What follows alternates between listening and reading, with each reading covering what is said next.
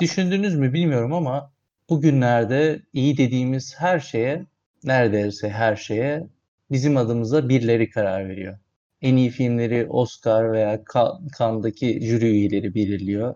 Ee, en güzel kadınlara işte Miss Turkey, Miss Universe'deki jüriler karar veriyor.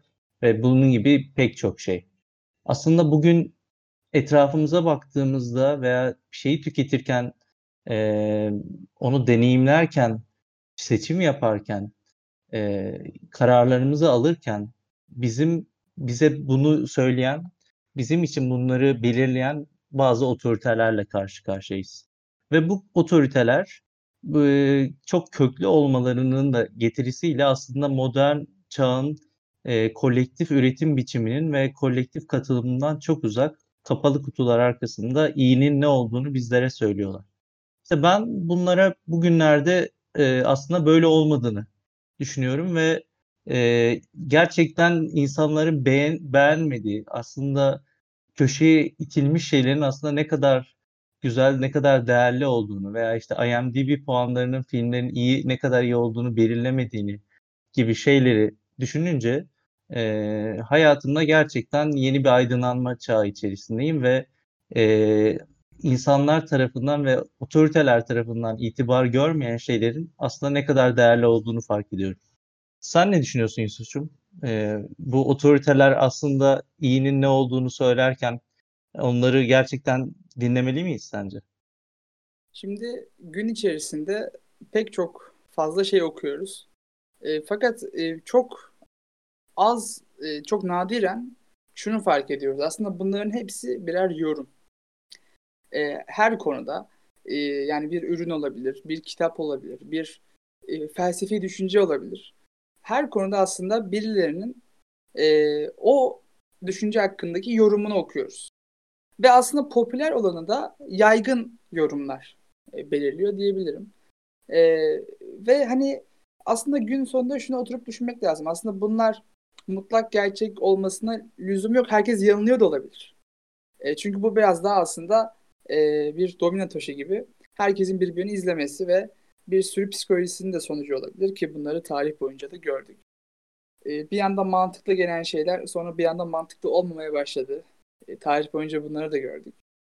E, fakat gün sonunda biz insan oğlu olarak kendimizi en konforlu yerde tutmak istiyoruz. Dolayısıyla en konforlu yerde pek çok insanın e, olduğu yerdir. Yani yaygın olanın, e, popüler olanın aslında olduğu yerdir.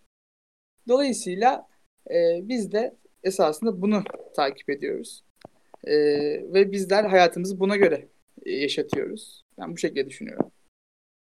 Ee, en çok iletişim ve aslında iletişimden daha çok tüketim halinde olduğumuz mecraları düşündüğümüzde işte Netflix, Spotify, YouTube gibi platformlarda aslında özellikle işte Instagram gibi mecralarda e, keşfet, favorite, işte trendler gibi kısımlar veya işte ana sayfanız size özel hazırlanmış içerikler genelde sizin sevdikleriniz ve size e, daha önceki izleme alışkanlıklarınızdan yola çıkarak aslında şey yapılıyor ve e, seçiliyor ve bu seçki e, insanlar tarafından e, çok beğeniliyor da aslında. İşte mesela Spotify'da haftanın işte her hafta e, paylaşılan işte e, haftanın müzikleri, işte yeni keşif listesi gibi şeyler insanların e, çok da beğendiği şeyler aslında. Yani kişiye özel algoritmalar tarafından yeni şarkıların belirlenmesi gibi şeyler. Ama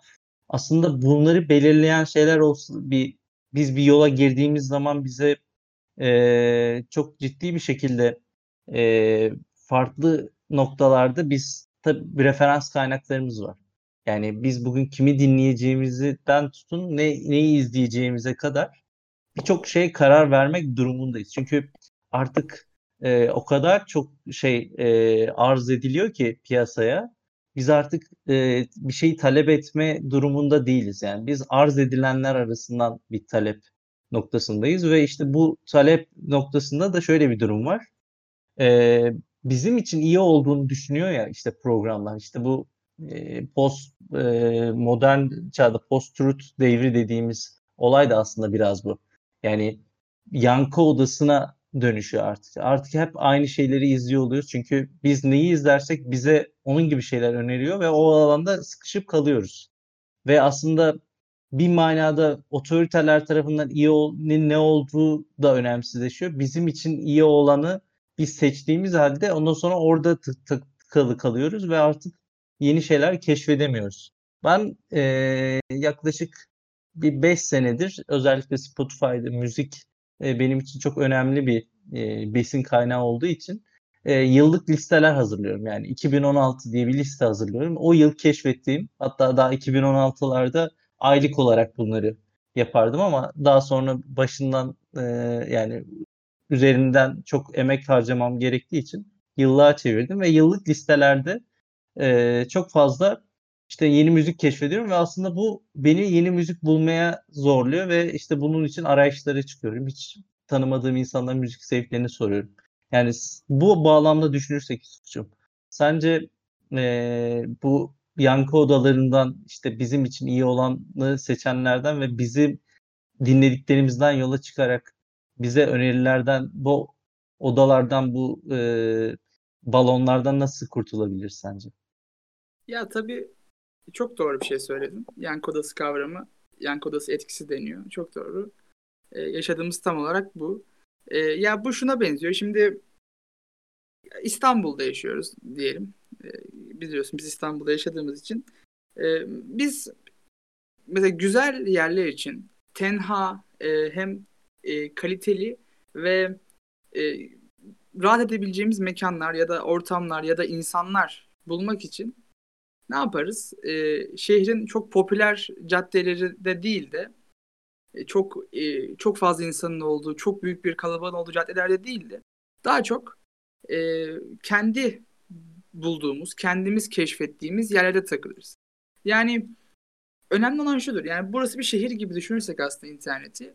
E, çok fazla insanın ve popülerliğin ve e, olduğu işlek caddelerden çıkıp kendi o tenha şehrin bilinmeyen yerlerini gezdiğimiz zaman aslında hiç yani görülmemiş, bilinmemiş ve bizim zevkimize uygun yerleri keşfedebiliyoruz, bulabiliyoruz.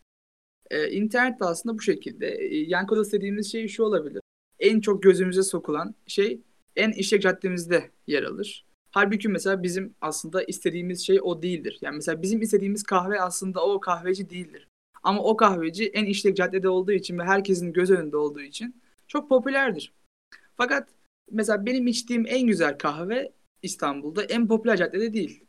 Hiç bilinmeyen bir yerde çok güzel bir kahveci buldum. Ve mesela ne zaman istesem, ne zaman e, canım çekse kahve oraya gidiyorum dışarıda içmek istesem. Ve bu beni çok mutlu ediyor. Aslında biraz da bu böyle. Mesela bir müzik dinlemek istediğim zaman e, hiçbir zaman Spotify'da mesela o en bana önerilen hiçbirini zaten dinlemiyorum.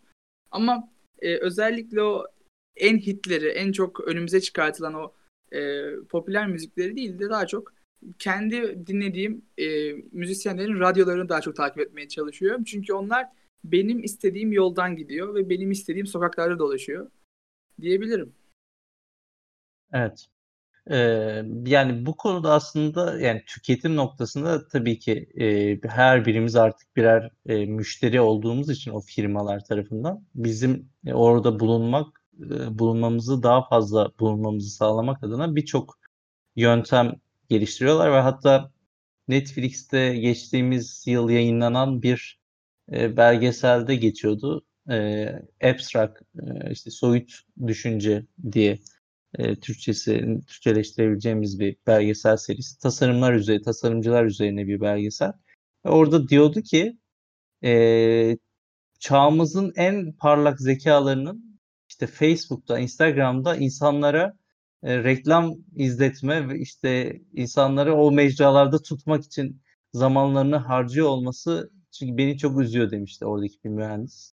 Gerçekten e, bizim bu, bulunduğumuz sosyal mecralarda bulunmamızı, orada daha çok vakit geçirmemizi sağlamak için işte oranın işte her mecranın birer işte iyileri var. Yani bu artık sosyal dünyada aslında o biraz önce giriş girizgahta bunun söylediğim işte o iyi diktatörlükleri artık daha insanlara evrilmiş durumda ama o insan kitlesi de aslında bir diktatör. Çünkü standart olarak insan e, IQ demeyeyim ama işte genel kültür seviyesi e, düşük olduğu zaman iyiler de bu, bu matematikte daha düşük profilli, daha işte gülen, eğlenen, işte saçmalıklar yapan insanları popüler kılıyorlar ve iyinin çok takip edilen, çok popüler olanın iyi olduğunu öyle zannediyoruz.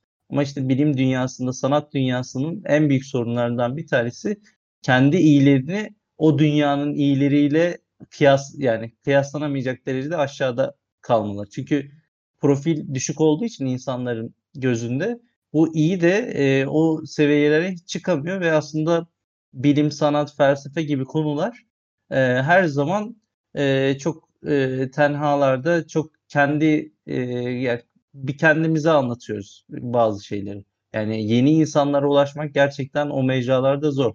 İşte bazı yayıncılar işte değersiz bir şey gibi gösterip değerli bir şey sunmaya çalışıyorlar ama aslında e, ben bence bizim Philips Club'da yaptığımız şey de biraz bu konuda böyle. Yani biz böyle bir durum yapmış olsaydık bu zamana kadar çok daha fazla takipçi işte insan olabilirdi aramızda ama kararlı bir duruş sergilemek ve çizginden ödün vermemek gün sonunda e, içerisinde bulunduğun bulunduğun kitlenin de aslında işte sen onların seviyesine in değil de onlar seni onları sen kendi seviyene çek anlayışı e, gün sonunda daha nitelikli bir kitleyi yarattığını düşünüyorum. Mutlaka. Sen ne dersin? Ya insanların e, aslında sorun şu. E, gündemlerimiz e, mevzusu. E, mesela benim gündemim e, bir şeydir. E, fakat e, senin gündemin bir şeydir. E, fakat özellikle bu popülerlik mevzusu yani bu yaygınlık mevzusu mesela bir sosyal medya platformunda gündem olan şey insanların gündemi oluyor rahatlıkla değil mi? E, ve mesela o gün onu konuşuyorlar. Ertesi gün başka bir gündem oluyor. O gündem konuşuluyor. E, ve mesela bir iletişim kurmak istediğiniz zaman insanlarla genelde hep gündemi yani ama kendi gündeminiz değil yani ülke gündemini veya sosyal medya gündemini ele alırız. Mevzu aslında burada patlıyor. Ee, benim gündemim başka bir insanın gündemiyle uyuşmadığı zaman konuşacak bir şeyimiz de olmuyor. Ee, ya mesela en çok sevdiğim arkadaşlarım gündemimizin ortak olduğu insan. Ee, çünkü ya gündemimiz dediğim tabii ki tek spesifik bir gündem değil. Mesela ben yaşam bilimlerini çok ilgi duyan birisiyim. Bir arkadaşım mesela biyoloji öğrencisi devamlı onunla mesela yaşam bilimi üzerine o da öğreniyor. Ben de bir şeyler öğreniyorum. E, işte mesela bitkiler hakkında mesela araştırma yapıyor. Ben de mesela onunla ilgili öğrendiklerimi paylaşıyorum. O benimle ilgili öğrendiklerini paylaşıyor. Mesela biz böyle bir alışveriş içerisindeyiz. Fakat işte o günkü ülkede olan olay ya da bir yarışmada mesela kimin ne kazandığı mevzusu e, benim mesela gündemim olmuyor. Ama toplumun genel gündemi olduğu için burada mesela insanlar mesela genelde bu konuda konuşmayı tercih ediyorlar. E, bu konuda ben de iletişim kurmakta sıkıntı yaşıyorum ki bu çoğu aslında insanda da bu mevcut. E, yakın arkadaşlarım özellikle e, biraz da bu e, nasıl söyleyeyim iyi sohbet arayışında olan insanlar tanıyorum. E, genelde arkadaş kitlelerinde sıkıntı yaşadıklarını söylüyorlar. Çünkü hani böyle rahat bir sohbet edebilecekleri, kendi gündemlerini açıklayabilecekleri, paylaşabilecekleri bir ortamın yoksunluğundan söz ediyorlar. E, aslında bizim zaten buradaki amacımız da Discord'da e, bu. Yani burada kendi gündemlerimizi, kendi kaliteli gündemlerimizi burada herkese paylaşmak ve onların da gündemi olmasını sağlamak. Esasen e, burada da aslında bağlantılı bir e, şey söylemiş olayım.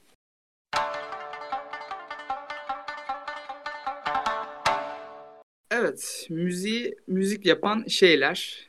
E, ben bunu çok sık düşünürüm. Çünkü e, müzik e, insanın çok önemli bir parçası.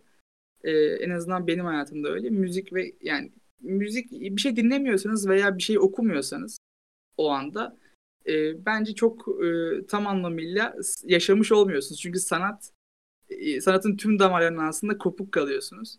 Ve bu da aslında insanı kurutan bir şey diye düşünüyorum. E, kurumamak lazım. Hep yaş kalmak, hep dinç kalmak lazım. Dolayısıyla müzik e, özellikle dinlemek ve kitap okumak bu iki şey önemli. Müzik konusunda da e, özellikle şunu çok düşünüyorum sık sık. Benim sevdiğim müzikler var. sevmediğim müzikler var. Neden bu müziği seviyorum, neden sevmiyorum? Müziği müzik yapan şey nedir esasen? Ve ben neyi sevmiyorum o müzikteki? E, bir müziği müzik olarak e, ne oluşturur? Yani bunun sözü müdür? Bunun e, sanatçısı mıdır? O eseri ortaya koyan sanatçı mıdır? Yoksa bestesi midir? Ya da belki başka bir sürü şey sıralayabilirsiniz. Bunlar benim aklımı karıştırıyor. Geçenlerde bir tane e, arkadaşım bana bir tane sanatçı önerdi. E, ismi Gevende diye. E, bir tane şarkısını dinledim. E, şarkısında, o şarkısında mesela hiçbir şekilde bir anlamlı bir e, söz, bir e, mısra yok. E, tamamıyla bir önce beste yapmışlar. O besteye doğaçlama şekilde o beste nasıl ilerliyorsa o besteye uygun şekilde öylesine doğaçlama bir şekilde sesler çıkartıyorlar. E, bu sözlerin bir anlam bütünlüğü tabii ki yok. Nasıl isterlerse öyle çıkartıyorlar ve her seferinde farklı bir şey aslında ortaya çıkıyormuş. E, ve esasında bunu görünce dedim ki yani ilk kez belki de her seferinde değişen bir şarkı. Yani çünkü bir söz bütünlüğü yok ama her seferinde size farklı bir duyguyu bir anlam söz bir anlamlı söz olmadan verebiliyor. Tabii bu klasik müzik esasında biliyorsunuz sözü olmadığı için o bambaşka bir tarzdır. Ama özellikle bu anlamsız sözleri olan şarkılar benim ilgimi çekti. Çünkü sevdim müziği. Demek ki yani sözleri anlamlı olmasa da zaten sevebiliyormuşum. Zaten e, tüm dilleri yani tabii ki bir insan tüm dilleri ya da yani tüm popüler dilleri hakim olamaz. İşte Fransızca, Almanca şarkılar dinliyoruz hepimiz. Ama bu şarkıların anlamlarını anlayamıyoruz. Fransızca bilmiyorum ya da Almanca bilmiyorum ama bu şarkıları çok seviyorum. Tabii e, o kelimeler süzülüp gidiyor. En azından o kelimelerin bir anlamı olduğunu biliyoruz. E, bazen de işte bu çevirisine bakmayı tercih ediyoruz ve çevirisinden bak ne kadar güzel bir anlamı varmış diyebiliyoruz. Ama e, yine de bu e, söz meselesinde aslında sadece kulağımıza hoş gelen o ritmi arıyoruz bence diye düşünüyorum. O ritmi illa bir anlamı da olmayabilir ama anlamı olduğu zaman bize daha hayatımıza etkin bir şekilde yer alabiliyor. Direkt kalbimize oturabiliyor. Ya da mesela bir sanatçı olabilir. Bir müziği müzik yapan şey sanatçısı mıdır? Bir e, sanatçısına göre mi değerlendirmemiz gerekiyor müzik? Bir müziği dinledik diyelim ama sanatçısını bilmiyoruz. Sanatçısını öğrendikten sonra o müziği daha mı çok severiz yoksa daha mı az severiz? Bence bu böyle değildir. Bence bir müziğin özellikle klasik müzik için çünkü evet sözlü bir müzikte sanatçısını anlarsınız seslerinden ama bir klasik müzikte sanatçısını çok öyle demezsiniz. Zor bir şeydir bu. Dolayısıyla bir klasik müzik esasında ve genel olarak müzikte müziği müzik yapan şeyin sanatçısının markası, sanatçısının ismi ve sanatçısının o bilinirliği olması bence zor. E, fakat özellikle ülkemizde de buna çok rastlıyoruz. İyi bir müzik ama sanatçısını sevilmediği için o müzik de sevilmiyor. Ya da e, müzik yani hoş hoşuna gitmiyor insanlar. Bu enteresan bir şey. Demek ki bu biraz aslında duygusal bir yaklaşım. Ya da şunu diyebiliriz bir müziğin müzik yapan şey sadece bestesidir. Onun üstüne koydukları sözleri, sanatçı markası bunların hepsinin dışındadır diyebiliriz. E, sonuç olarak Emre'cim sence müziğin müzik yapan şey nedir bu konuda? Yani çok fazla noktaya değinir yani her biri apayrı e, noktalar yani başlık başlık açılabilecek noktalar. Şimdi e, özellikle dediğin anlamsız müzik dediğin şey aslında caz dediğimiz şey her zaman her çalışta bambaşka bir şekilde e, çalınmasıyla zaten e, her müzikte yeni bir müzik yaratılma felsefesiyle yapılan bir e, tür. E, senin dediklerin daha bu ilkel e, şeylerin kabilelerin falan gibi e, çalan müzik au au falan dedikleri versiyon olsa diye e, versiyon olsa gerek diye düşünüyorum. Onlar da dediğin gibi çok aslında felsefik manada değerli. Çünkü bir müziği her dinleyişinde farklı olması e, sürekli aslında farklı yerlerde o müziği dinleme isteği aynı müzik noktasında ki zaten e, burada reklamını yapmış gibi olmuyorum ama bizim Spotify hesabımızda da tek beste çok sesli diye bir e, konsept var ve o konseptte de bir müziğin yani bir bestenin farklı sanatçılar tarafından e, işte performa edilmesindeki kayıtları topladığımız listeler var. Yaklaşık 25-30 tane böyle müzik var. Onlara da bakılabilir. Yani bir müziğin farklı versiyonları dinlenmek adına. Ee, ben açıkçası e, Yusuf şöyle düşünüyorum. Yani bir müziği müzik yapan şeyler aslında söz veya içerisindeki müzik, müzikal altyapı veya onun sanatçının kim olduğu gerçekten bir, son birkaç gündür özellikle e, bu konuda düşündüğümde e, bunların hiçbirinin o kadar da önemli olmadığını düşünüyorum. Çünkü en iyi, en böyle e, bizim için değerli, en adı bilinir, en nesillerdir e, her neslin bildiği, ettiği sanatçıları bile bir yerden sonra sıkılıp bir yerden sonra yani o parçaları değersizleştirmiyor tabii ki ama o parçalar artık dinlemiyor hale geliyoruz. Ama daha bireysel söyleyeyim ben sana. Ee, hayatımın birçok evresinde ki burada bu podcast'i dinleyen dinleyicilerimiz de böyle düşünmüştür. Bu müziği hiçbir zaman unutmam. Bu gerçekten hayatımda çok önemli bir anda girdi ve çok değerli bir daha hiç bunu sürekli dinlerim. İşte 40 yaşında dinlemeyi hayal edersin falan. Sonra bir bir zaman bir süre geçer. 3 yıl geçer, 5 yıl geçer ve o şarkının adını bile hatırlamadığını fark edersin. O şarkıyı tınıları aklındadır. O şarkının e, adını Google'da işte tonlarını falan söylersin. İngilizce şeylerinden e, bir takım e, çeviri şeyleriyle bulmaya çalışırsın falan filan ama artık o şarkı senden uzaklaşmıştır ve gitmiştir.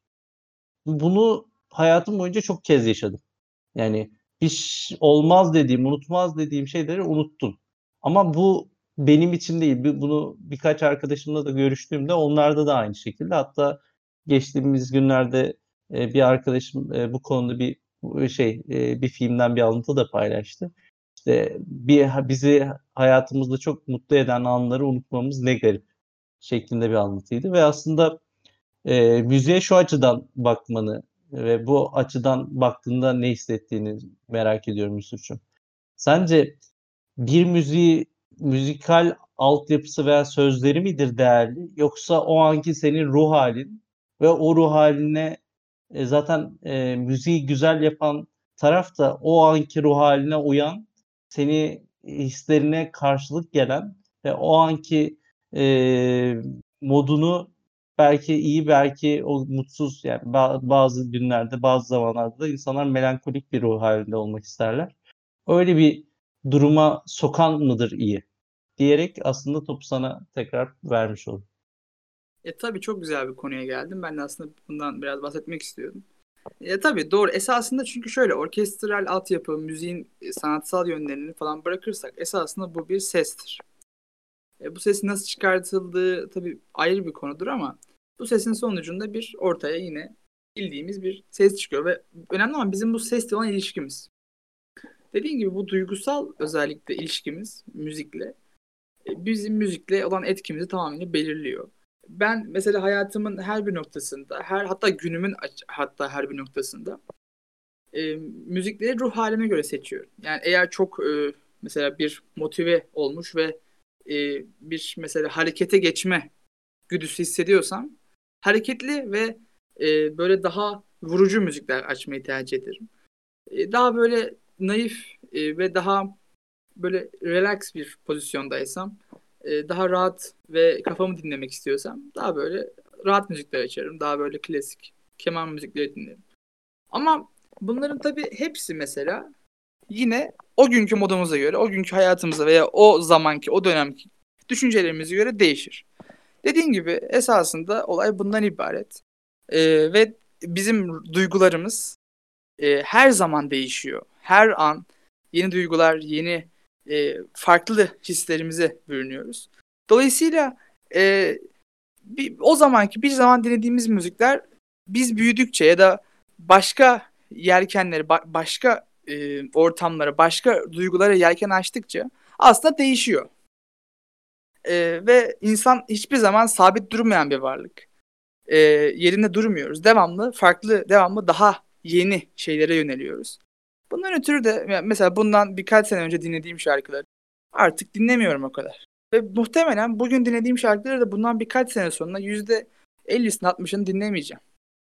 Bunu bunu kabullenmek lazım bence öncelikle. E, bundan işte geçen senenin başında yaptığım e, bir işte müzik seçkisi vardı. O müzik seçkisine bir baktım geçenlerde. Hiçbirini neredeyse dinlemiyorum. Yani tabii ki arasında denediklerim var ama çok e, pek çoğunu unutmuşum. Halbuki o zamanlar bana ne kadar çok e, güzel gelen ve hayatımı aslında bütünleştiren şarkılardı. Ama artık değil. E, bu tamamıyla insanın duygusal yapısıyla alakalı ve toplumların tabii ki e, ilgisiyle, beğenisiyle alakalı olarak değişiyor diyorum. Ben bu konuda şöyle bir şey geldi aklıma. Yani tam yerine uyacağını düşündüğüm bir anı. Ee, geçtiğimiz yılın e, ilk aylarıydı. Tam ay hangi ay bilmediğim için tam söylemeyeyim. Yani e, Şubat, Mart, Nisan falan gibiydi. E, Devrim Erbil röportajı için Devrim Erbil'in stüdyosuna gitmiştik. E, o zamanki editörümüz ve röportörümüz Ömer'le birlikte. Ve işte orada bizi röportajı ayarlayan kişi de o o gün bize e, Yalın Alpay'dı. Daha önceki e, onunla da röportaj yapmıştık.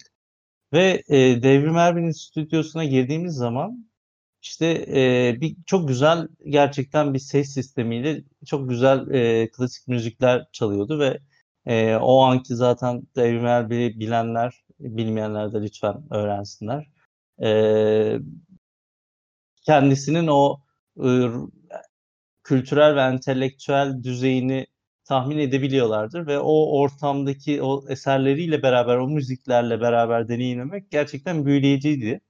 Ve röportajın dışında biz orada tabii ki bazı kişisel durumlar da yaşadık. Ve benim işte bugünkü müzik konusuna e,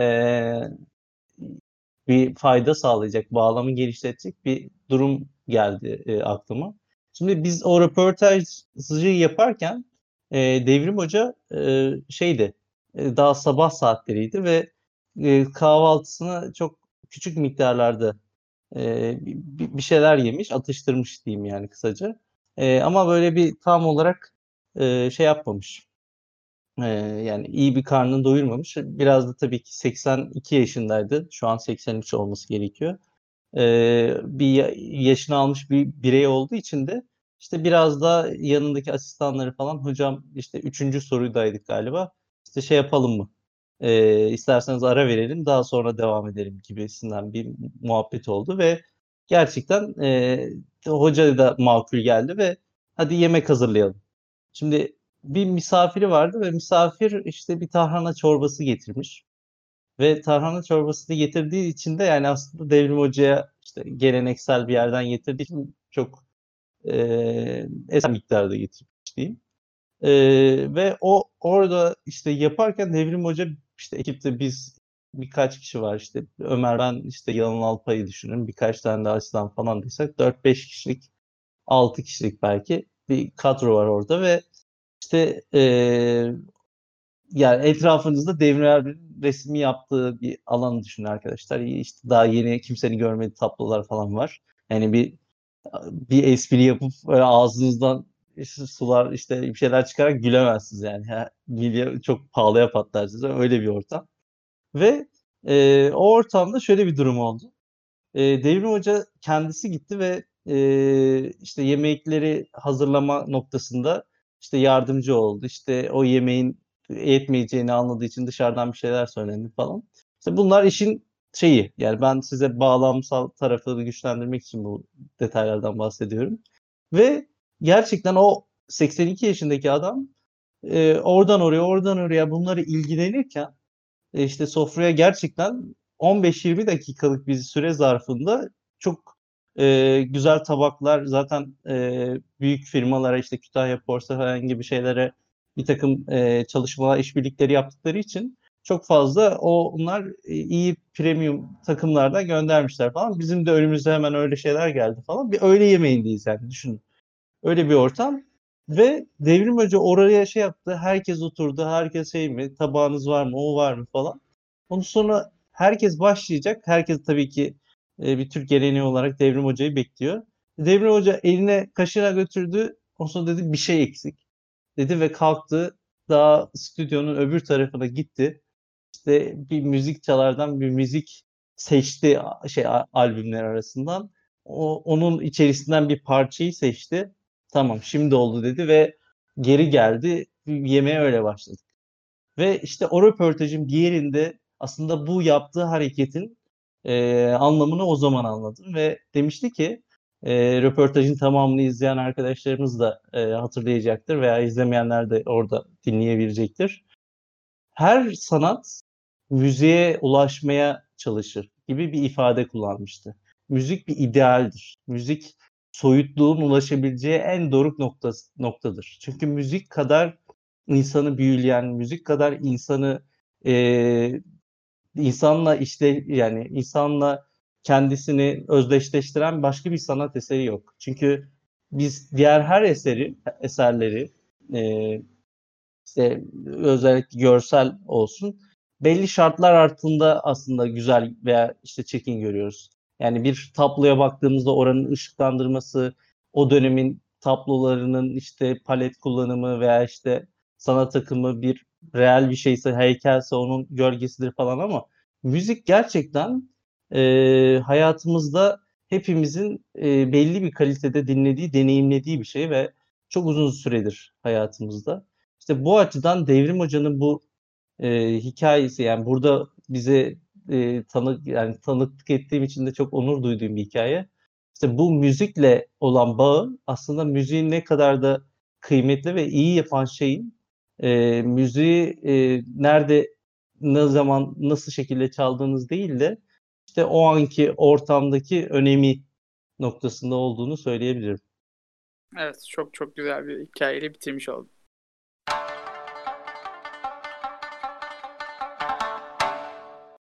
Şimdi daha farklı bir konuya geçiyoruz arkadaşlar ve e, size küçük bir mizansen yapacağız Yusuf'la.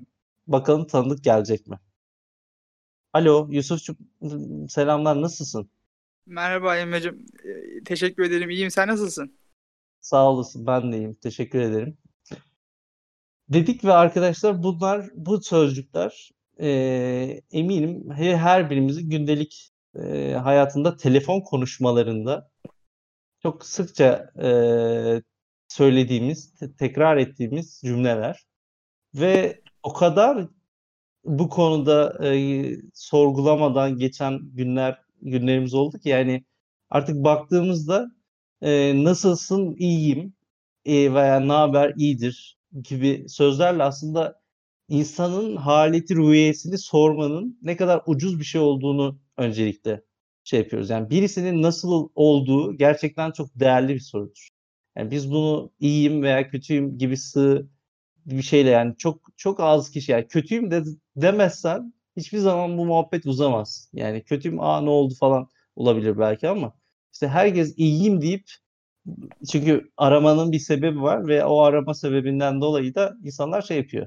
Yani iyiyim hadi asıl mevzuya geçelim. Şimdi bu aslında nasılsın sorusunun değerini düşürdüğü kadar işte bu giriş telefon adabı zaten konumuzun adı. Ee, o telefonun girişi kadar aslında çıkışta sorunlu. Ama ben öncelikle girişinden konuyu açalım isterim Yusuf'cum. Sen ne düşünüyorsun? Telefonlara girdiğimiz zaman, aradığımız zaman hala bu ilkel e, süreci yaşamaya devam edeceğiz mi? Etmeli miyiz? Yani bu tam bir terör ee, ve bu hayatımızda var olan terörlerden bir tanesi sadece. Daha çok fazla konuşacağız. Ee, daha çok fazlasını hayatımızda görebiliriz. Ee, hani dedin ya, dedik ki öncekinde hani yaygın olan bir şey var ve toplum onu takip ediyor diye. Birisi ilk başta bu olaya başlamış ve bu şekilde devam etmiş. Dediğin çok doğru yani nasılsın sorusu çok değerli bir soru. Ee, neler yapıyorsun, hayatın nasıl gidiyor? Bu çok bu hani böyle artık o kadar değerli ve bir insan için cevaplanması belki 10-15 dakika sürebilecek uzun ve başta başına bir konu olmasına rağmen artık günümüzde 2020 yılı itibariyle merhabadan sonra konuşmayı devam ettirmek için mecburen toplumun genel görgü e, tırnak içinde görgü kuralları çerçevesinde söylenmek zorunda olunan bir şey oldu. Yani hakikaten e, ben her gün e, bu konuşmayı yapmaktan bunalıyorum. Sen de bana bunu söylediğin zaman ya Yusuf artık bence bu konuşmayı yapmayalım.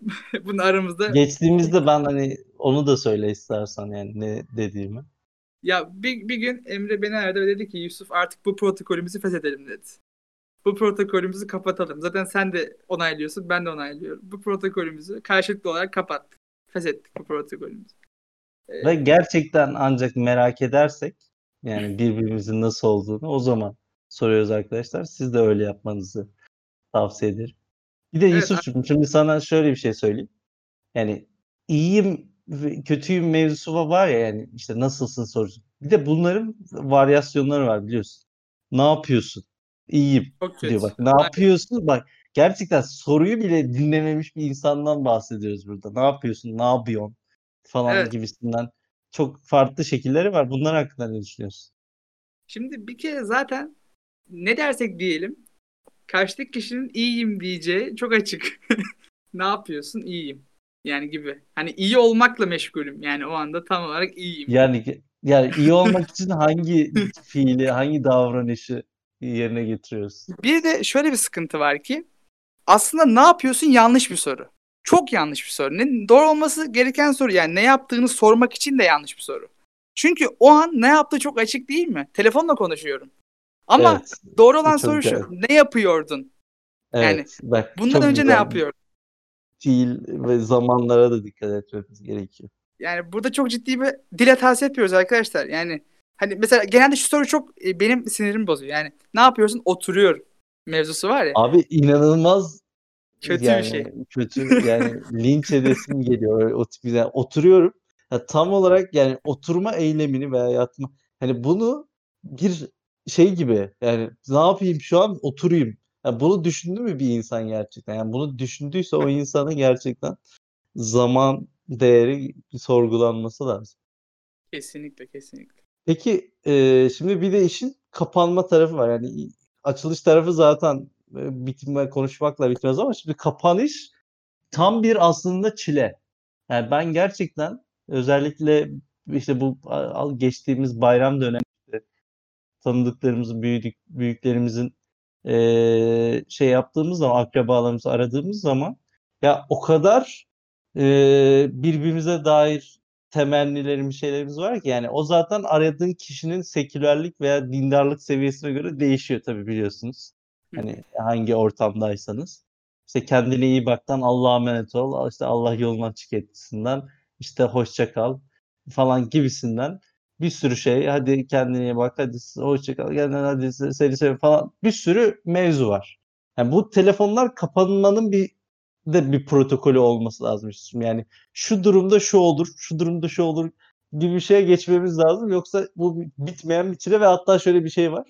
Hadi hoşça kal kendine hani biter ya hani ses evet. ton, tonalitesi azalır artık yani. O, orada artık kapatıyorum demenin şeyidir o. Yani gerçekten bu konu çok rezil değil mi sence de? Ya çok rezil bir konu ve e, ben hep özenmişimdir. Yani böyle filmlerde vesaire görüyoruz. Zaten gerçek hayatta görme ihtimalimiz yok. en azından Türkiye'de şimdi. Filmlerde falan hani daha cümle biterken telefon kapatılır. Yani herhangi bir kapanma faslı yapılmaz. En fazla bay bay görüyoruz genelde. E, bizdeki o kıvranma yok. Yani ve çok enteresan bir kıvranma o için. E, yani en son kim görüşürüz diyecek de önemli bir soru. Görüşürüz dedim. Sonra sen görüşürüz dedin. Sonra hadi görüşürüz bir daha demek zorunda gibi. Evet. Çünkü evet korkunç. En son ben diyeceğim. gibi bir olay var. Korkunç. Bak yani... onda ben çok sıkıntı yaşıyorum yani. Bir telefon kapatılışında hani kaç defa kendi dediklerimi tekrar ettiğim için çok kendimi kötü hissettiğim evet. olmuştur. E çok evet kesinlikle. Ya bunun kesinlikle insanlar oturup bunun hakkında bir çalıştay yapmalı öncelikle. Demeliler ki biz nasıl protokoller yazalım bunun için. Mesela telefonu açan kişi görüşürüz desin ve kapatalım. Yani bu çok kolay bir şey. Bunu yapmak hemen hızlıca bir e, konuşulur. Arkadaşım bundan sonra seninle böyle bir telefon adabımız olsun. Hiç sen darılma ne ben darılayım. Mis gibi kendimizi belirleyelim. Ben artık Bak. ikili anlaşmaları ikili anlaşma olarak hayatımda artıracağım. Bir, bir senle başladım. Şimdi ikinci ve üçüncü olarak yeni e, anlaşmalara yelken açacağımı inanıyorum. Ya ben özellikle biraz önce bahsettiğin özellikle Amerika ve e, Avrupa toplumundaki ya özellikle İngilizler diyeyim diğerlerinin çok fikrim olduğunu söylemez. Hani vardır ya işte ararsın this is Jack falan hani Jack'le konuşuyorsunuz falan. Hani şey durum var. Ben kimi aradım, sen kimsin falan hikayesi e, de aslında çok önemli ve e, açılış noktasında ve kapanış noktasında aslında yani telefonun tabii ki bir şeyi var. E, türleri var. Birisini bir akrabayı aradıysan, uzun süre görüşmediysen oradaki nasılsın sorusunun değeri elbette farklı ama ben biraz daha gündelik hayatımızda daha sık görüştüğümüz insanlar adına söylüyorum bunu. Ve bunu o kadar çok kullandığımız için nasılsın işte hoşçakal kendine iyi bak hadi hoşçakal Allah'a emanet dediğin zaman ne oluyor artık bunların söylenmeye yani gerçekten buna inanmıyorsun. Gerçekten bu insanın kendisine iyi bakmasını isteyip istemediğinden emin değilim yani o insanlar. Kendim kendi adıma bu sorgulamalar yaptığım için de e, şey yani gerçekten bir insana kendine iyi bak. Ya kendine işte tek tek your, yourself falan hani o ifade nasıl geçti dilimize? Yani biz bunu niye kullanıyoruz? Niye insan kendisine baksın falan hani böyle bir durum da var. Sen ne diyorsun bu konuda? Yani şeyi aşabileceğiz mi? Ee, yani bu ifadelerin aslında e, doğru bir şekilde inanarak bir gün söyleyebilecek miyiz?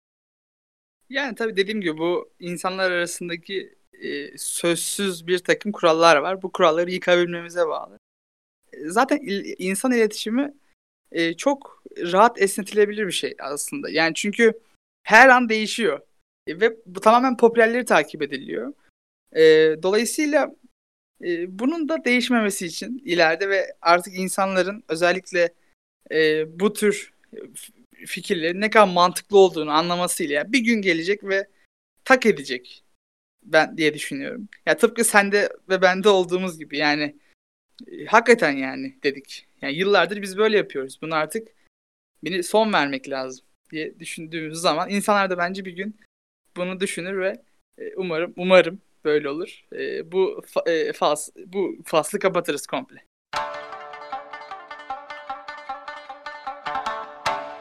Evet, seri üretimin insan refahındaki yeri. Bu benim çok sık düşündüğüm bir konu. Ee, o kadar çok fazla eşyamız var ki bunun farkında mısınız? Yani inanılmaz bir aslında zenginliğe sahibiz. Şu an şöyle bir odama etrafıma bakıyorum. Tamamen doğaçlama bir şekilde. Mesela hemen yanımda bir tane e, power bank, bir tane batarya var. Mesela bu bataryanın pilleri e, muhtemelen işte evet Çin'den gelmiş. Ve muhtemelen bu bataryanın yapımı için gerekli olan lityumlar da mesela Bolivya'dan gelmiştir muhtemelen. Ve benim evimde Bolivya'dan ham maddesi alınmış, Çin'de üretilmiş, İstanbul'a getirilmiş ve evime, evime ulaşmış bir burada eşya var. Bakıyorum etrafıma biraz daha ilaçlarım var. İlaçlarım nerede üretilmiş? İsviçre'de üretilmiş. İsviçre'de üretilmiş ama bunun içinde milyonlarca kimyasal var. Bu kimyasallar nerede üretilmiş kim bilir. Birçok üretim süreci ve o kadar çok fazla bir çalışma temposu var ki bir insanın evinde olabilecek şeyler inanılmaz. Yani o kadar çok şaşırıyorum ki. Ve bunlar buraya nasıl ulaşmış? Bunun için ne kadar çok insan çalışmış? Bunu düşünmek korkunç bence. Yani ben birkaç para verip, e, belki birkaç kağıt para verip bir tane e, power bank alıyorum ama o power bank'in yapılması için ne kadar çok insan çalışmış önce madenlerde, e, daha sonrasında kimya fabrikalarında, daha sonrasında elektronikte, daha sonrasında e, bunun taşımacılığında, kargosunda, satışında binlerce insanın olayı mevcut, binlerce. Fakat benim birkaç kağıt para verip bugün bir tane bu teknoloji ürününü, bu şaheseri alabilmem çok kolay. Ve bunu da seri üretime borçluyuz. Ve insanlığın bugünkü refahına bu, bu, bu şekilde ulaştık. Seri üreterek. Endüstri devrimi sayesinde, endüstri devrimi zamanında ne kadar çok gücümüz varsa, ne kadar çok baskı, ne kadar çok makinemiz varsa, aletimiz varsa o kadar çok üretebildik ve bunlar çok verimli çalışan şeyler. Çok fazla şey üretebildik.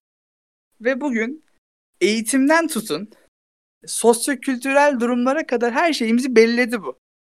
Yani bu bakımdan yatıp kalkıp Endüstri 4.0'a ya da Endüstri 4.0 dediğim tabii Endüstri devrimlerine diyeyim. Tüm devrimler çünkü. Dua etmemiz gerekebilir. Ee, insanlığın bugünkü ulaştığı gelişim ve refah için. Ne düşünüyorsun Emre'cim bu konuda? Yani eee, konunun adı aslında medeniyet. Yani medeniyet bütün bunları bize sağladı ve medeniyetin bize sağladığı bu şeyleri aslında ne kadar birbirimizde eee, biraz önce hani şey dedin ya görülmeyen işte kurallar işte birbirimiz arasında yazılı Evet. yazılı olmayan kurallar gibi. Bunlar da böyle aslında yani eee, o Bolivya'daki şeyi çıkartan lityum eee, madeninden çıkartan kişi bunu işte İstanbul'daki bir gencin eee powerbank'ine kavuşması için yapmıyor aslında. Yani onun kendi çıkar yani aslında herkesin kendi çıkarlarını düşündüğü bir dünya o kadar da kötü bir dünya değil. Hani kendisini düşün. Mesela şöyle bir şey söyleyeyim. Yani biraz yani bu konu dahilinde söylenebilecek bir söz. Ya bugün bu yayını yapmak aslında biraz da bizim kendi çıkarlarımız için. Yani burada bu yayını yaparak aslında e, sesimizi, fikirlerimizi birçok bir insana duyurma şansını elde ediyoruz. Bu podcast'i dinleyen insanlar farklı fikirleri e, kulak verip oradan belki kendilerinin düşünmediği şeyleri yapıp onlar da kendi çıkarlarını gözeterek şey yapıyorlar. Çünkü her birimiz bir zaman bir yatırım yapıyoruz. Yani bir şey aldığımız zaman biraz önce bahsettiğin gibi birkaç e, kağıt para ile verdiğin e, şey aslında bir yatırım o onlara karşı. İşte bunları sağlarken ne yapıyoruz? Onlardan çalışan dediğin gibi yani korkunç bir e, operasyona çok cüzdi bir miktarda para veriyoruz. Normalde işte dediğin o Bolivya, işte Çin, hatta Çin'de o demirin maham maddesi Çin'de değil başka bir yerden geliyor. Onun kargolanması, İstanbul'a gelmesi, işte oradan şirkete yapılması, e-ticaret falan hani bir sürü olay var, bir sürü aşama var, bir sürü el değiştiriyor ürün ve gün sonunda marka dediğimiz şey bizim e, evlerimize, elimize kadar ulaşıyor. İşte bunun da aslında en büyük getirisi gün sonunda e, çok fazla olması. Çok fazla bu ürüne insanlara ihtiyaç duyulması. Çok fazla insanın elinde telefon olması, çok fazla insanın telefonun şarjının bitmesi lazım ki powerbank satabilsin. İşte Bolivya'daki adam lityumunu çıkarsın, Çin'deki adam bunu üretsin, size buraya getirsin insanlar gibi bir durum söz konusu. Yani bunun aslında e, çok olması ve ucuz olması da biraz Yusuf'cum bu konunun dengelerini etkileyen parametreler. Bu konu hakkında ne düşünüyorsun? Yani ucuzluk ve çok olması yani bu konuyu aslında özel kılan bu değil mi? Tabii kesinlikle bu. Zaten seri üretimin aslında mantığı bu. Ee, öncelikle şunu söyleyeyim. Çıkar mevzusunda bir e, şey söyleyeyim. E, dediğin şey çok doğru. İnsanlar tamam her şeyi çıkar, aslında çıkarı için yapıyorlar ve bunda hiçbir problem yok. Çünkü bunun bunu aslında inkar etmekte problem var. Çünkü insan her zaman kendi çıkarı için bir şeyler yapar. Yani bu e, kolektif bir çıkarın ürünü de olabilir. Çünkü her zaman biliyorsun kolektif bir gelişme bireyi de etkiler. Dolayısıyla hı hı.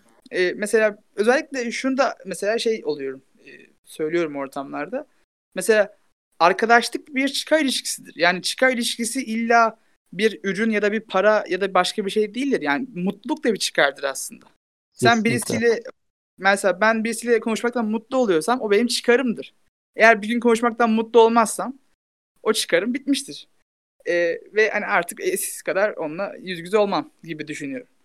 Dolayısıyla e, bu da aslında önce bunu ve e, ifade etmek istedim. Dediğin gibi aslında tüm insanlar bu sözsüz e, medeniyet kuralları içerisinde işini yapıyor. Görevini yerine getiriyor ve bugün tüm dünyanın çarkları bu şekilde dönmeye devam ediyor ve biz de e, pek çok ürüne dediğin gibi ucuz ve verimli şekilde diyeyim. Kaliteli şekilde demeyeyim. Verimli şekilde ulaşabiliyoruz.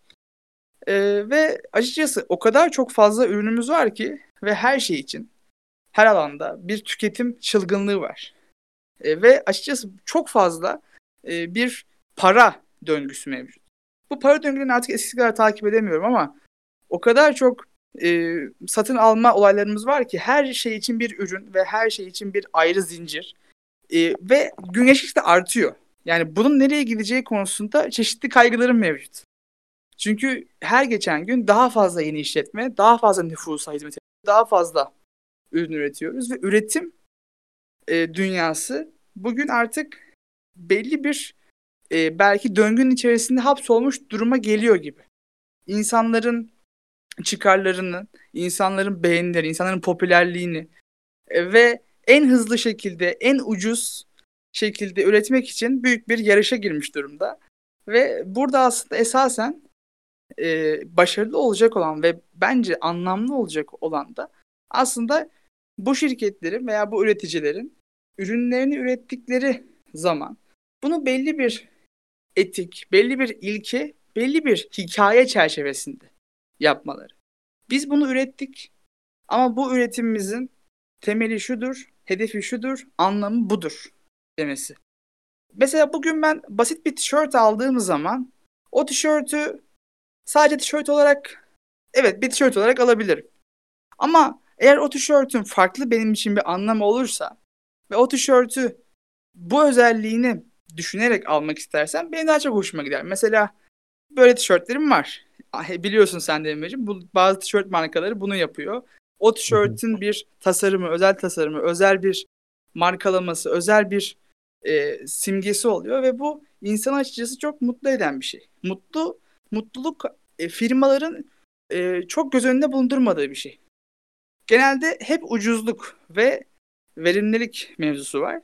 Fakat verimlilik esasında artık yeni dönemde insanların mutluluğuna ve anlam arayışına daha çok hitap edecek bir şey diye düşünüyorum. Yani dediğin şey aslında e, şöyle bir durum var. E, insanların bir ürünü alırken o üründen ne beklediğiyle alakalı. Yani bir power bank alırken bana hikaye satmasına gerek yok. Fakat yani orada gerçekten asıl işler e, nedir? İşte o ürünün hızlı bir şekilde şarjını dolduruyor olması ve çok gidiyor olması, çok yer olması, hafif olması gibi parametreler vardır. Şimdi bir tişörtten hikaye bekleyen, işte örnek veriyorum kullandığı telefonun e, o kişiye veya işte o sallıyorum bilgisayarın, işte laptopun e, o kişiye e, bir takım vaatlerde bulunması işte o kişilerle marka arasındaki iletişimle e, değişkenlik gösteren bir şey. Çünkü bunu talep eden müşteri olmasa veya bunu arz ettiğinde gerçekten talebi olmasa böyle şeylerin bunlar devam edemez. İşte bunları da talep edeceğin yerler var, yapamayacağın yer, yerler var. Örnek hı hı. veriyorum işte bu e, kolay da denilen ürünler var. Kolay da ne demek? İşte her yerde, her markette bulunabilecek en sık karşılaş, en sık bütün e, hızlı tüketim yerlerinde bulunabilecek ürünler. Bunlar işte yumurta, işte pil, ampul gibi hani vardır ya nereye gitsen bulursun bunları. Yani bunlarda şeyini sıkıntısı yaşamazsın. Yani tedarik sıkıntısı. Şimdi bunlarda şey sat yapamazsın zaten. Bir hikaye, Tabii. bir markalama. En fazla işte Duracell hadi örnek verelim markalama noktasında. Sıradan çinko karbon pillere göre 10 katı kadar güçlü falan. Bir takım bir şeyler var. Oyuncaklar var. Oyuncak sürüyor. Ondan sonra oyuncağın yarısında onun pili bitiyor. Zengin çocuk Duracell aldığı için oyun oynamaya daha çok devam ediyor. Falan gibi böyle bir takım hikayeler var biliyorsun işte. Şimdi anca o kadar hikayeleştirebilirsin pili. İşte o açıdan yumurtadır, pildir bunları çok fazla e, hikayeleştirmeyle yani çünkü beklenti e, noktası her şey. Neyi bekliyorsan karşılığında ona dair bir şey alırsın.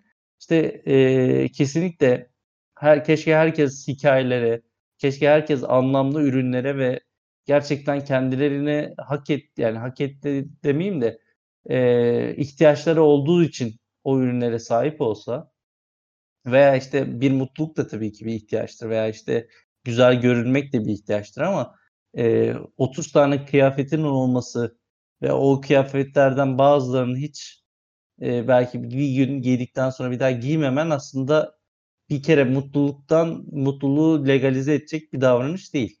O açıdan e, bir ürüne bakarken e, ne açıdan da e, ne beklediğimiz de bu ürüneden beklediğimiz hikaye noktasında önem kazanan bir nokta. Kesinlikle. Yani gelecekte özellikle bu konuda neler olacağını çok merak ediyorum. Bir yandan da bizim en çok üretken olacağımız dönemde acaba üretim dünyası nasıl bir hal alacak? Tabii bu üretim meselesi sadece bir e, somut bir şey olarak düşünmüyorum. Aynı zamanda bir fikir, bir e, bir yazı, bir resim. E, bunların e, özellikle Philips Club'ın ürettiği şeyler açısından da bunu değerlendirmek lazım. Ve bu Hı-hı. insanların açıkçası her alanda bilgiye, bilgi de sonuçta bir ürün olarak değerlendirilmesi gerekir. Bilgiye ve yayıncılığa ve e, herhangi bir atıyorum bir power bank'e, bir tişörte bakış açısı gelecekte o kadar çok büyük bir üretim sektörü ve o kadar çok oyuncunun içerisinde seçim ve e, çünkü artık belli bir standarda gelecek bu. Ben buna inanıyorum. Çünkü e, şu anda evet çeşitli alanlarda henüz bir gelişme aşamasındayız ve bir ürün nasıl üreteceğimiz konusunda inovasyonlar yapıyoruz, düşünüyoruz, arge yapıyoruz vesaire. Fakat gelecekte çok fazla oyuncunun ve çok fazla bilgi erişiminin olacağı bir dünya ve özellikle Z neslinin de e, üretimde yer alacağı bir dünyada. Çünkü bu nesil bilginin içine doğdu. Bilgi yoğunluğunun içine doğduğu için belli bir kalite standartlarının olacağı ve artık bu kalite standartlarının içerisinde firmaların ve üreticilerin daha farklı alanlarda kullanıcıları etkilemeye çalışacağını düşünüyorum.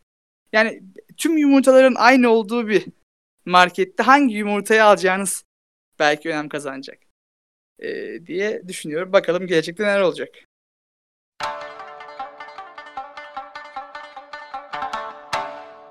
Evet Yusuf'cum, geleceğe hoş geldiniz o halde. Geleceğin meslekleri, mesleklerin dönüşümü, evrimi konusuna geçtik ve bu konu aslında bana birkaç gün evvel yaşadığım bir olay sonrasında e, yani benim zihnime tecelli etti diyeyim. E, bir bir ajansta e, bir e, tanıdığımız bir e, ajansın sahibi olan bir abiyle görüşmeye gittiğim zaman oradaki çalışanlarla da işte vakit geçiriyordum ve çalışanlardan bir tanesinin pozisyonu veri analisti ve işte cuma günü olduğu için ve orası çok rahat bir ofis olduğu için e, o veri analisti işte diğer arkadaşlarıyla sohbet muhabbet ediyorlardı ve kahve içiyorlardı. Ve o veri analisti işte ben bir yere gittim geldim falan e, bir telefon görüşmesi. Sonra geldim bir baktım fal bakıyor. Ve millet heyecanla dinliyor işte anlattığı hikayeler işte sen böyle olacaksın, böyle başına böyle olacak falan. Sonra ben geldim böyle bir dedim ki siz veri, veri çok yanlış anladınız. O veri bu veri değil falan. Orada güldük eğlendik falan ama hani o soruyu düşündüm yani aslında eskilerin falcıları bugünün veri analistleriyle teknik olarak aynı şeyleri yapıyorlar. Bir bir yer var, bir data var. İşte o küçük bir fincan, işte Tarık kahvenin telvesi. Oradan bakıp e, anlamlı şeyler karşı tarafa iletmeye çalışıyorlar.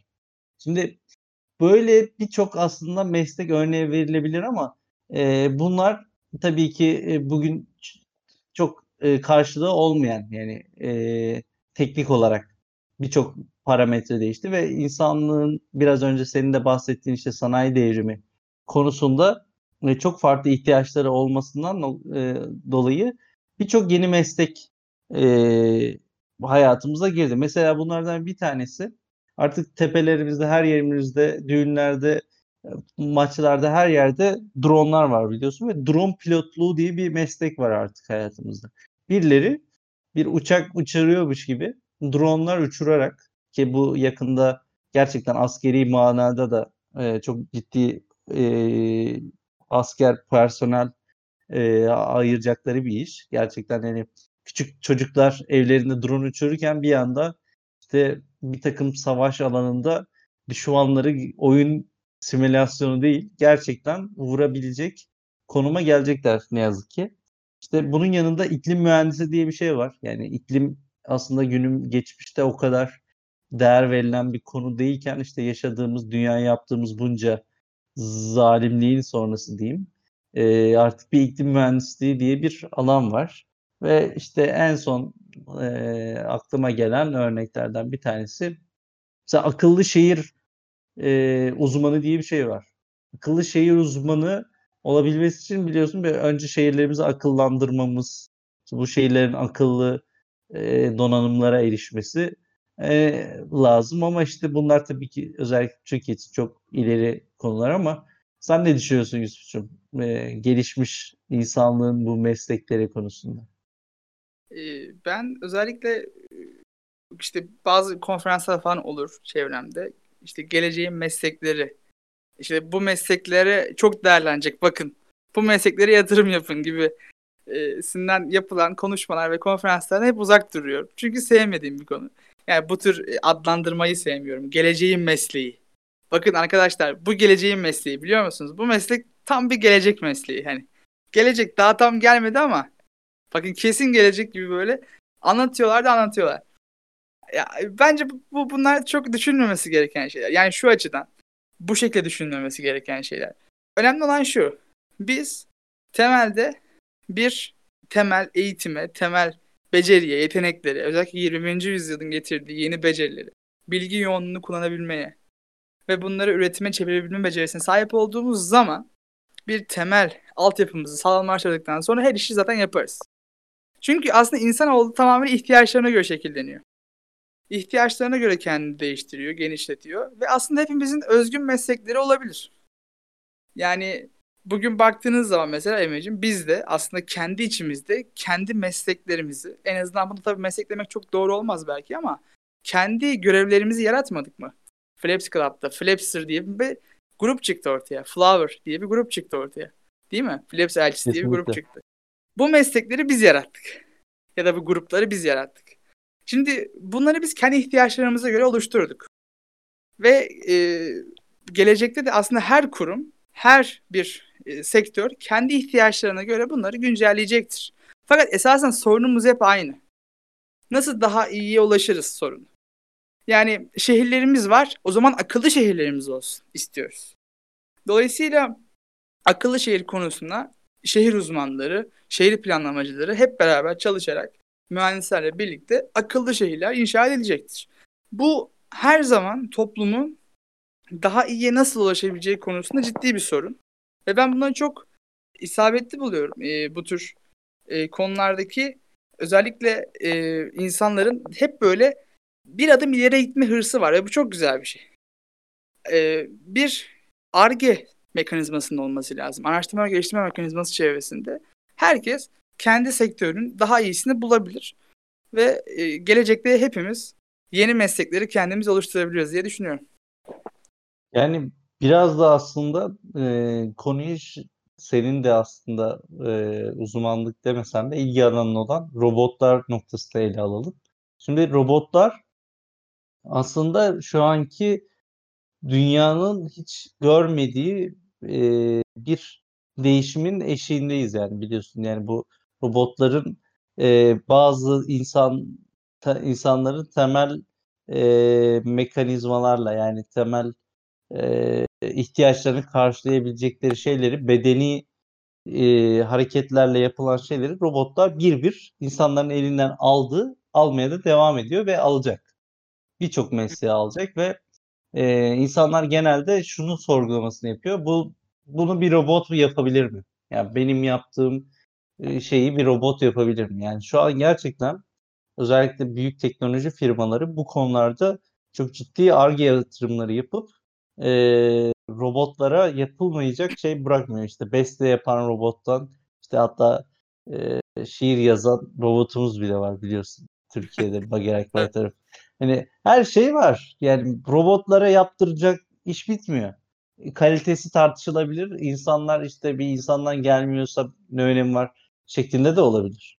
Ama gün sonunda robotların, şairlerin bile e, tahtını sarsacağı bir konumda olduğumuz için e, yapacağımız her mesleğin aslında yani yaptıracağımız demeyeyim yani yaptığımız ve yapacağımız, devam ettireceğimiz mesleklerin gelecekte bizim hayatımızı idame ettiriyorsak veya işte bu işte kalmak istiyorsak e, ne kadar tehdit ettiğini de aslında sorgulamak gerekiyor diye düşünüyorum. Sen ne dersin? Aslında çok güzel denk geldi. Şuna bağlayacağım. Az önce demiştim ya aslında ürünler belli bir standarda oluştuğu zaman, sektör belli bir standarda ulaştığı zaman aslında farklı alanlardaki e, farklılıklarımız bizi ön plana çıkartacak. O şirketi ya da o grubu ön plana çıkartacak. Demiştim ya. Şimdi şöyle düşün. Robotlar e, sektörlerde çalışma alanlarında hakim oldukları zaman esasında aynı ürünler ortaya çıkacak. E, mesela bir iki tane fabrika düşün. İki tane fabrikanın da aynı robotları çünkü en iyi robotlar yani piyasanın son model robotları bunlar. Aynı robotları aldığını, aynı ham maddeyi kullandığını düşün. O zaman belli bir standartizasyon olacaktır.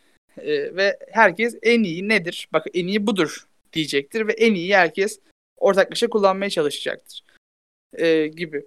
Ve bu tabi durum e, aslında insanların nasıl bir etki nasıl bir etki yaratabileceği konusunu gündeme getiriyor. Yani robotlar hesaplar ve der ki elimdeki el, elimdeki bu malzemeyle ben nasıl en iyisini üretebilirim? Matematiğini yapar ve şekillerini oluşturur ve insanlık için bunu en azından belli bir seviyede yapabilir, çizebilir.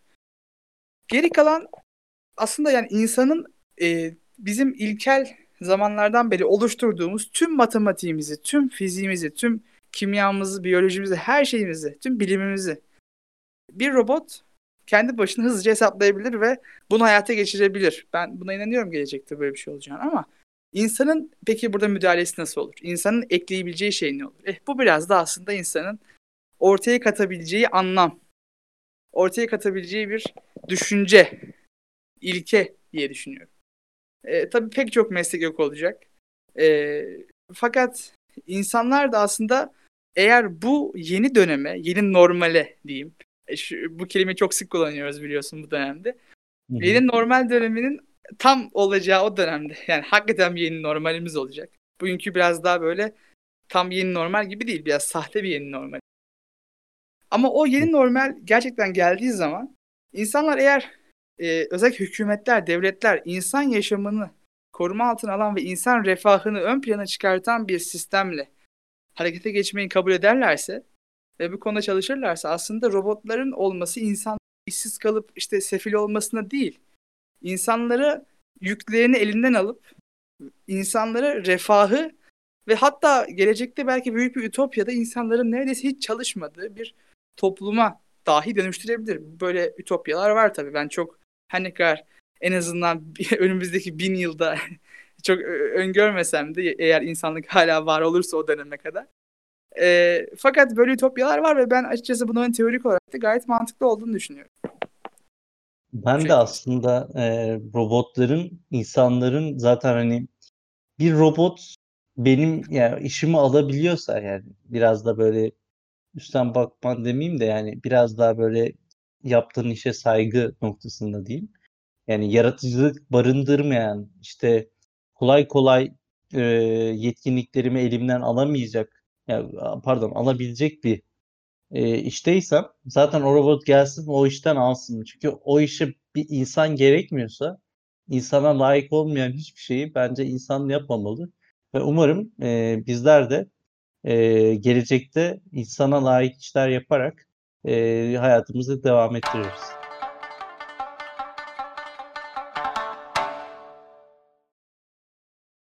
Evet, tatil sistemlerimiz konusuna gelelim. Son olarak bugün son konusu. E, tatil olayını özellikle tatil e, tırnak içinde olduğumuz, tatilde olduğumuz bu dönemde çok e, düşünüyorum ara sıra. Tatil nedir? Tatil nasıl yapılmalıdır? E, ve insanlığın gelişiminde tatilin rolü nedir gibi e, sorularım var. Bunları aslında yöneltmek istiyorum sana Emre. Şimdi şu anki aslında temel sistemimizde şöyle bir durum var. Yazın çok sıcak ve yazın pişiyoruz. E, büyük bir özellikle Türkiye özelinde çünkü Türkiye sıcak bir ülke. E, Avrupa özellikle ben bazen şunu düşünüyorum. Yani Türkiye'nin yazın çok sıcak olması Türkiye'nin yani tüm uygarlığını belirlemiş olabilir. Çünkü yazın bizim özellikle 3 aylık bir dönemde, periyotta büyük bir mayışma, büyük bir böyle bir güçsüzleşme, bir rahatlama dönemi söz konusu. Halbuki özellikle İngiltere gibi şehirlerde, Almanya gibi şehirlerde bu yaz mayışması, bu rahatlaması yok. Onların 3 ayı boşa gitmiyor ya, da verimsiz geçmiyor tam anlamıyla. Dolayısıyla bizim böyle bir rahatladığımız, böyle bir e, sandaletle dolaştığımız dönemde onların çalışma hayatına belki devam etmesi, onların uygarlık gelişimi konusunda ve evrimleşmesi konusunda büyük bir fark yaratmış olabilir. Öncelikle bunu ifade edeyim. Yani bu tatil sistemi aslında tüm uygarlığımızı belirlemiş biri olabilir. Biz fark etmiyoruz. E, ve bu bunun yanı sıra 11 genelde yılın bir ayı ya da işte belli bir haftası, belli bir döneminde tatile çıkılır. İnsanlar tatile çıkarlar. Geri kalan sürede de çalışırlar. Böyle bir tatil sistemi mevcut. Fakat neden insanlar geri kalan tüm mesela 11 ay o bir ayı bekliyor? Neden? Yani e, sadece hava sıcak olduğu için mi? Ve sadece hani tatil sezonu olarak lanse edildiği için mi?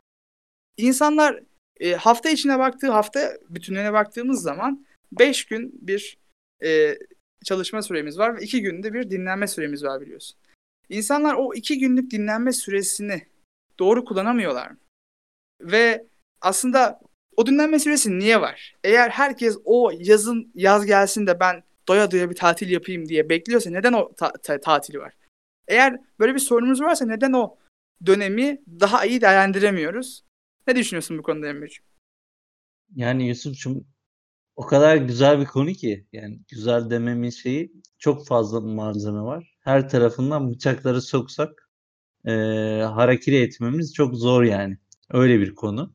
Şimdi şeyden başlayalım. Hafta içi yani daha yaz planına geçmeden evvel. Şimdi 5'e 2 bir durum var ya hani memuriyet hatta bazılarında 6'ya 1 biliyorsun. Öyle bir durum var. E, Yani tabii. insanlar bazıları e, işte 6 gün çalışıp bir gün tatil yapıyorlar. Ve aslında o 5 gün çalışma temposu birçok şehir yaşamındaki işte işte çalışan ve, ve bedeni bir iş yapan hatta beyin, bedeni yapmasa bile mental olarak yani böyle zihniyle yazdıklarıyla veya işte masa başı diyelim öyle işler yapan insanlar için bile çok yorucu oluyor ve iki günde zaten cumartesi gününü haftanın yorgunluğunu şey yaptıkları bir gün pazar günü ise işte biraz daha enerjilerini toplayıp dışarı çıkmaya harcıyorlar insanlar. Yani bu konunun çok verimli veya verimsiz kullanıldığını çok bireylerin iş e, skalası çok geniş olduğu için bunu bir standartizasyonu olamaz. Fakat şey olsaydı e, bazı ülkelerde geçirdi galiba işte kuzey şey Atla, yani e, Finlandiya gibi işte şey İskandinav ülkelerinde e, 4'e 3 yani 3 gün tatili var. İşte cuma da tatil. Ve 4, 4 gün çalışıyorlar ve 4 gün çalıştı 3 gün olunca 3 gün bir yere gitmeye yeter. 3 gün bir yer moduna alışmadan da e, gelmeye de yeter ve aslında biz her zaman 2 gün yetmiyor çünkü gerçekten. Bir yere git gel işte orada dinlen zaten ne zaman. Ya biz zaten işte e, iki günlük tatil yapmayı iki günlük bir yerlere gidip yani kısa süreli bir şey yapamamızın sebebi bizi e, biraz önce bahsettiğin o yaz durumu. Yaz o kadar cazip ki insanlar hava zaten güzel. Benim için işte belli bir miktar zaten bütün yıl çalışmışım. Belli bir para miktarı ayırmışım. Ve mükemmel bir deneyim yaşamak istiyorlar. Bir hafta olsun veya 10 gün olsun, 15 gün olsun artık. Kişiden kişiye de değişiyor bu. Ve orada yaşadıkları deneyim e, için 11 ay neredeyse çalıştıkları için özellikle Türkiye'de e, bu konu çok ciddiye alınıyor. E, yani tatile gitme planı ve gidiliyor ve inanın e, bu konuda işte yapılan araştırmalara da göz atarsanız eğer çok ciddi bir şekilde verimsiz, mutsuz dönüyor insanlar ve yorgun dönüyorlar. İnsanlar bu kadar saçma bir şey olabilir mi? Yani tatile gidip yorulup streslenip geri geliyorlar. Niye? Çünkü o kadar çok beklentilerini yüksek tutuyorlar ki e, şey yapamıyorlar. İşte sallıyorum kahvaltısı kötü olan bir bir şeyi asla istemiyorlar. Veya işte bir e, sallıyorum içki servisi az olsun, o işte oda temizliği olması falan. E, çünkü o kadar beklentiyi yüksek tutuyorlar ki, o kadar çok za, e, bedel ödemişler ki o iş için. Gün sonunda e, oraya geldiği zaman mükemmel bir deneyim yaşamak istiyorlar ki e, hiçbir yerde olamayacağı gibi yaşayamıyorlar gerçekten mükemmel bir tatil deneyimi ve işte beklentilerin aşağısında ki e, biliyorsun Yusuf sen de e, buradaki dinleyen herkesin de kulak aşinalığı olduğu gibi işte arkadaşı bir e, yolda tanırsın. Bir de işte e, başka bir para öderken alışveriş. al, alışverişte tanırsın hikayesi. Şimdi niye yolda tatilde tanıyorsun? Çünkü o yolda tatilde geçirdiğin vakitte işte bazı dinamikler olacak, bazı durumlara karşı vereceği tepkiler olacak falan. İşte o açıdan tatiller e, çiftlerin de aslında çok ciddi bir şekilde e, kendilerini tanıdıkları yani çünkü işten git iki gün gel akşam zaten 200 saat görüş yat ama bir hafta iki hafta belki birbiriyle baş başa kalan insanlar birbirlerine tahammül edemeyip belki o anki stresle beraber çok ciddi boşanma durumu da var tatiller. Yani tatile gidip boşanıyor insanlar. Öyle bir saçmalık var. İşte o açıdan e, bu sistemlerdeki bu durumlardan düşünüyor olduğunu düşünüyorum Yusuf'cum. Biraz daha bu konuda. E, tabii şimdi öncelikle şunu söyleyeyim.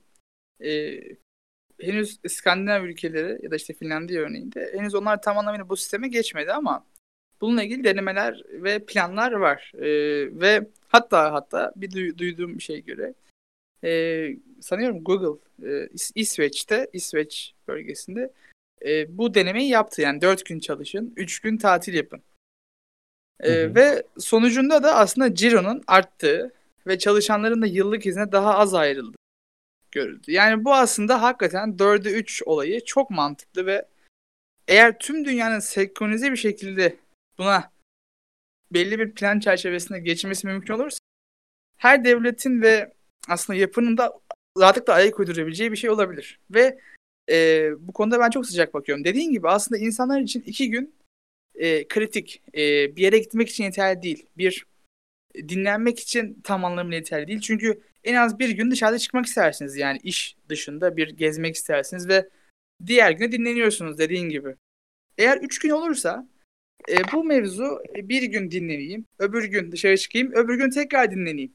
Mesela mantığı çerçevesinde ya da e, üç gün uzun bir süre olduğu için e, en azından iki güne nazaran daha uzun bir süre, yüzde elli daha uzun bir süre olduğu için bir istediğiniz mesela bir e, şehrin dışında bir yere gidersiniz ve kafa dinlersiniz. Üç gün oldukça yeterli bir süre olur. Fakat iki gün işte ilk gün yola çıkacağım, akşamına belki e, ortamımı hazırlayacağım ve öbür günde dinleneceğim. En fazla bir günlük bir seyahat için hatta ertesi akşam da geri dönmem gerektiği için e, hatta bir gün bile tam anlamıyla dinlenemiyorum mevzusu olacak. Ya insanların bu özellikle hafta içi hafta e, planlaması, hafta hafta içi ve hafta sonu planlaması insanların şu an kaderini belirliyor. Ee, özellikle e, insanların kaderini belirleyen dediğim gibi çok fazla şey var. E, ve bu aslında bizim hayatımızı her gün inanılmaz derecede etki eden bir terör. E, mesela biliyorsun Emre'cim kışın e, Türkiye'de e, yaz saati uygulaması devam ettiği için biz ciddi anlamda karanlıkta kalıyoruz sabahları. E, uyanıyoruz ve güneş yok. Öyle bir uygulama var biliyorsun. Mesela bu bizim hayatımızı ciddi manada bence etkiliyordu. Neden? Çünkü bu medeniyetimizin aldığı bir karar. E, bu hükümetimizin, devletimizin ve hatta çeşitli başka ülkelerin de verdiği bir karar. Ve bu bizim hayatımızı etkiliyor. Ve yine bu 5'e 2 kuralı e, ve neredeyse tüm dünyanın ayak uydurduğu bu kural yine bizim hayatımızı ciddi manada etkiliyor.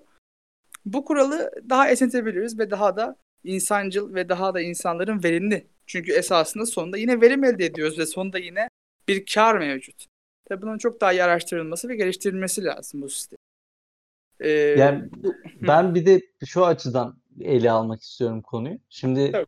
tatilin gidiş yapış şekli de çok önemli. Yani aslında e, bence biz e, Türk toplumu olarak e, nasıl ta, yani tatil yapma e, biçimleri konusunda çok sığ fikirlerimiz var. Yani özellikle deniz, kum e, olayı çok yaygın bir tercih ve bunun çok gerçekten ihtiyaç duyulup hani tabii ki insanlar buna ilgi duyması bir sorun değil ama yani bunu istiyor, arzuluyor olabilirler. Çok cezbedici, çok güzel de olabilir. Fakat o kadar az şekilde e, yeni deneyimler arıyoruz ki. Yani tatiller aslında insanların yeni e, yerler keşfetmek için e, zihinlerini tazelemek ve işte aslında tatilde kum, deniz, kum dinlenmek için tatile giden insanlar işte hayatlarını dinlendikten sonra aynı yerde devam edebilirler. Ama hayatlarında yeni bir ülke, belki hiç e, yap, deneyimlemedikleri bir olayı yaşasa, yaşamış olsalar yani böyle bir örnek veriyorum bir farklı bir ülkeye ve farklı bir, hatta ülkeye gitme Türkiye'nin farklı bir yerine git. Örneğin Fethiye'ye git. E, işte bu e, şeylerle e, nedir o paraşütlerle bir paraşütte şey yap. Uç. Yani ekstrem bir deneyim elde et gibi veya işte ben en çok zaten kendi hayattaki e, tatil anlayışımda e, yani tatil değil gündelik bir rutin gibi yani gündelik demeyeyim de sürekli bir rutin gibi ama işte fotoğraf ve e, kültür gezileri. Şimdi kültür gezileri noktasında insanlar e, bu işleri çok gerçekten ciddiye aldıklarını sanmıyorum. Yani orada bir şey var. Onu ben tatil günümde göreyim diyor. Şimdi tatil günümde göreyim dediğin şey e, birçok insan düşünüyor olabilir. Yani o gün gittiğinde orada bir yığılma, yani özellikle tatil beldelerinde gidenleriniz, şeyleriniz vardı. Yani o civarlarda inanılmaz bir kalabalık vardı. Niye? Çünkü o sınırlar içerisinde insanlar aynı fikirlere geliyor yani. Yani oraya gelmişler şuna da gideyim diyor. Ve gittiği yerlerde de ne oluyor? Tabii ki e, şey sıkıntıları var. Yani orada bir kalabalık oluşuyor, bir e, yoğunluk oluşuyor.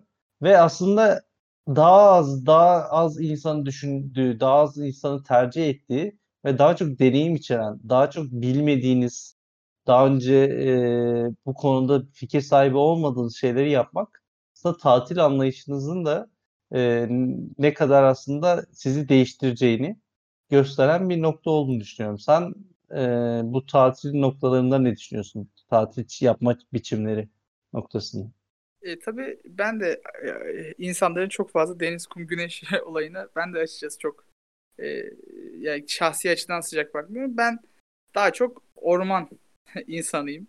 E, ve hani özellikle yaz tatilinde e, bu dönemde de birkaç kere gittim. İşte doğa yürüyüşlerine vesaire. Hatta sen de geçen sene de gitmiştik hatırlarsan. Hı hı, evet. E, ve bence bu en güzeli. Çünkü dediğin gibi o tarih kültür gezileri e, dop dolu. Yani bir hafta sonu mesela İstanbul Arkeoloji Müzesi tabii o müze çok fazla ta- şey gideni yok ama mesela başka herhangi bir müzeye gittiğiniz zaman dop dolu ol- olduğunu göreceksiniz. Ya da işte insanların çoluk çocuklarıyla birlikte hani tatil aslında bazıları yapmış olmak için de yaptıklarını görüyorsunuz orada. Yani sadece gelmiş olmak için gelen çok fazla kişi var. Tatil yapmış olalım. İşte buraya geldik tamam. Yani gelmiş olmak yeterli.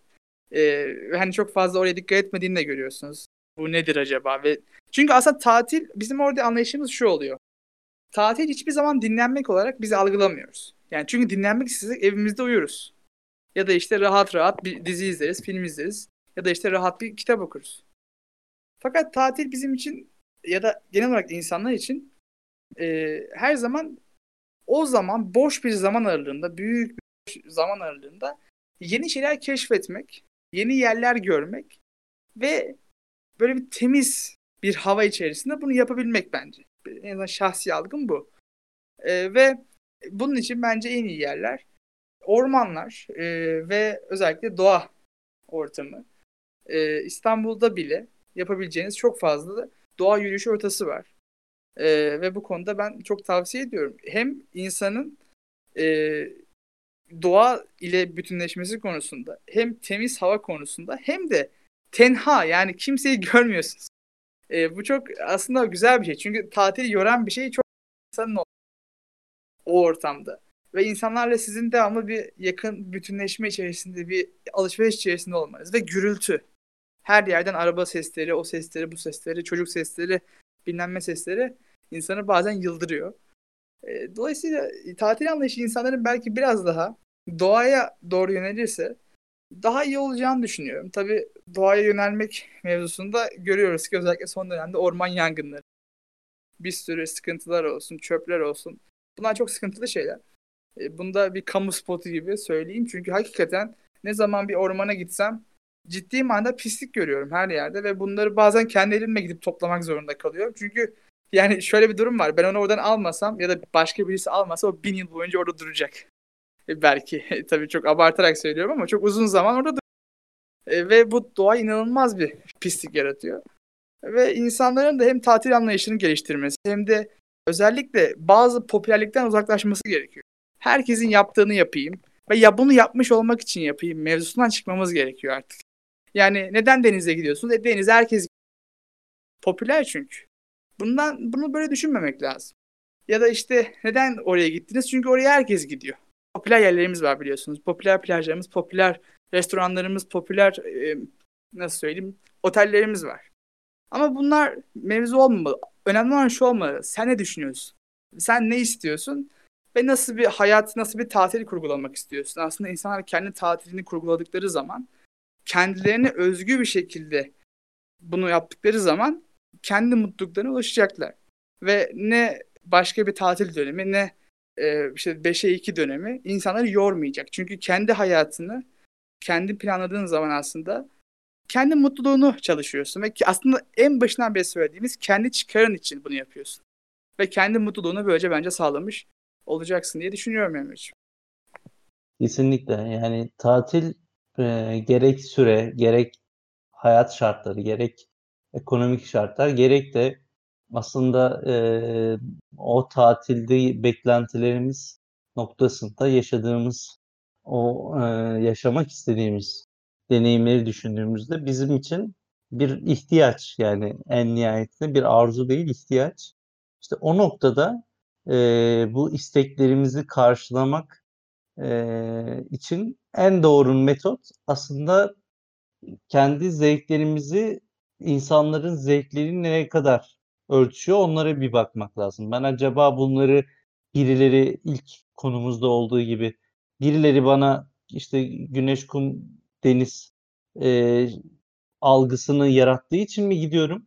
Yoksa gerçekten denizli, kumu, güneşi seviyor muyum? Veya Kesinlikle. işte ormanın e, tadı benim için özelse neden denize gidiyorum? Veya işte orman e, çok beni cezbetmiyor. Ormanda işte hoş bir yerlerin bir şey ısırıyor. Çok kötü hissediyorum. Niye ben daha böyle bir yerleri kültürel olarak daha işte yapay yerlere gitmiyorum ama orada kültürel yerlere gitmiyorum algısı olması lazım ve gün sonunda gittiğimiz yerlerde edindiğimiz tecrübelerle yeni bir insan olmanın e, yolunda açmalıyız. Çünkü tatil demek aslında e, yeni bir başlangıç yapmanın hemen öncesi. İşte o yüzden özellikle yaz tatilleri ne bu açıdan düşünebilirsiniz ama genel olarak her tatil hayata geriden başlamamız için bir e, başlangıç noktası. O açıdan tatil kavramını yeniden düşünürseniz eğer e, eminim hiç beklemediğiniz derecede değişimler geçireceğinizi düşünerek Ki Hareketi'nin 6. bölümünü burada noktalandırıyorum.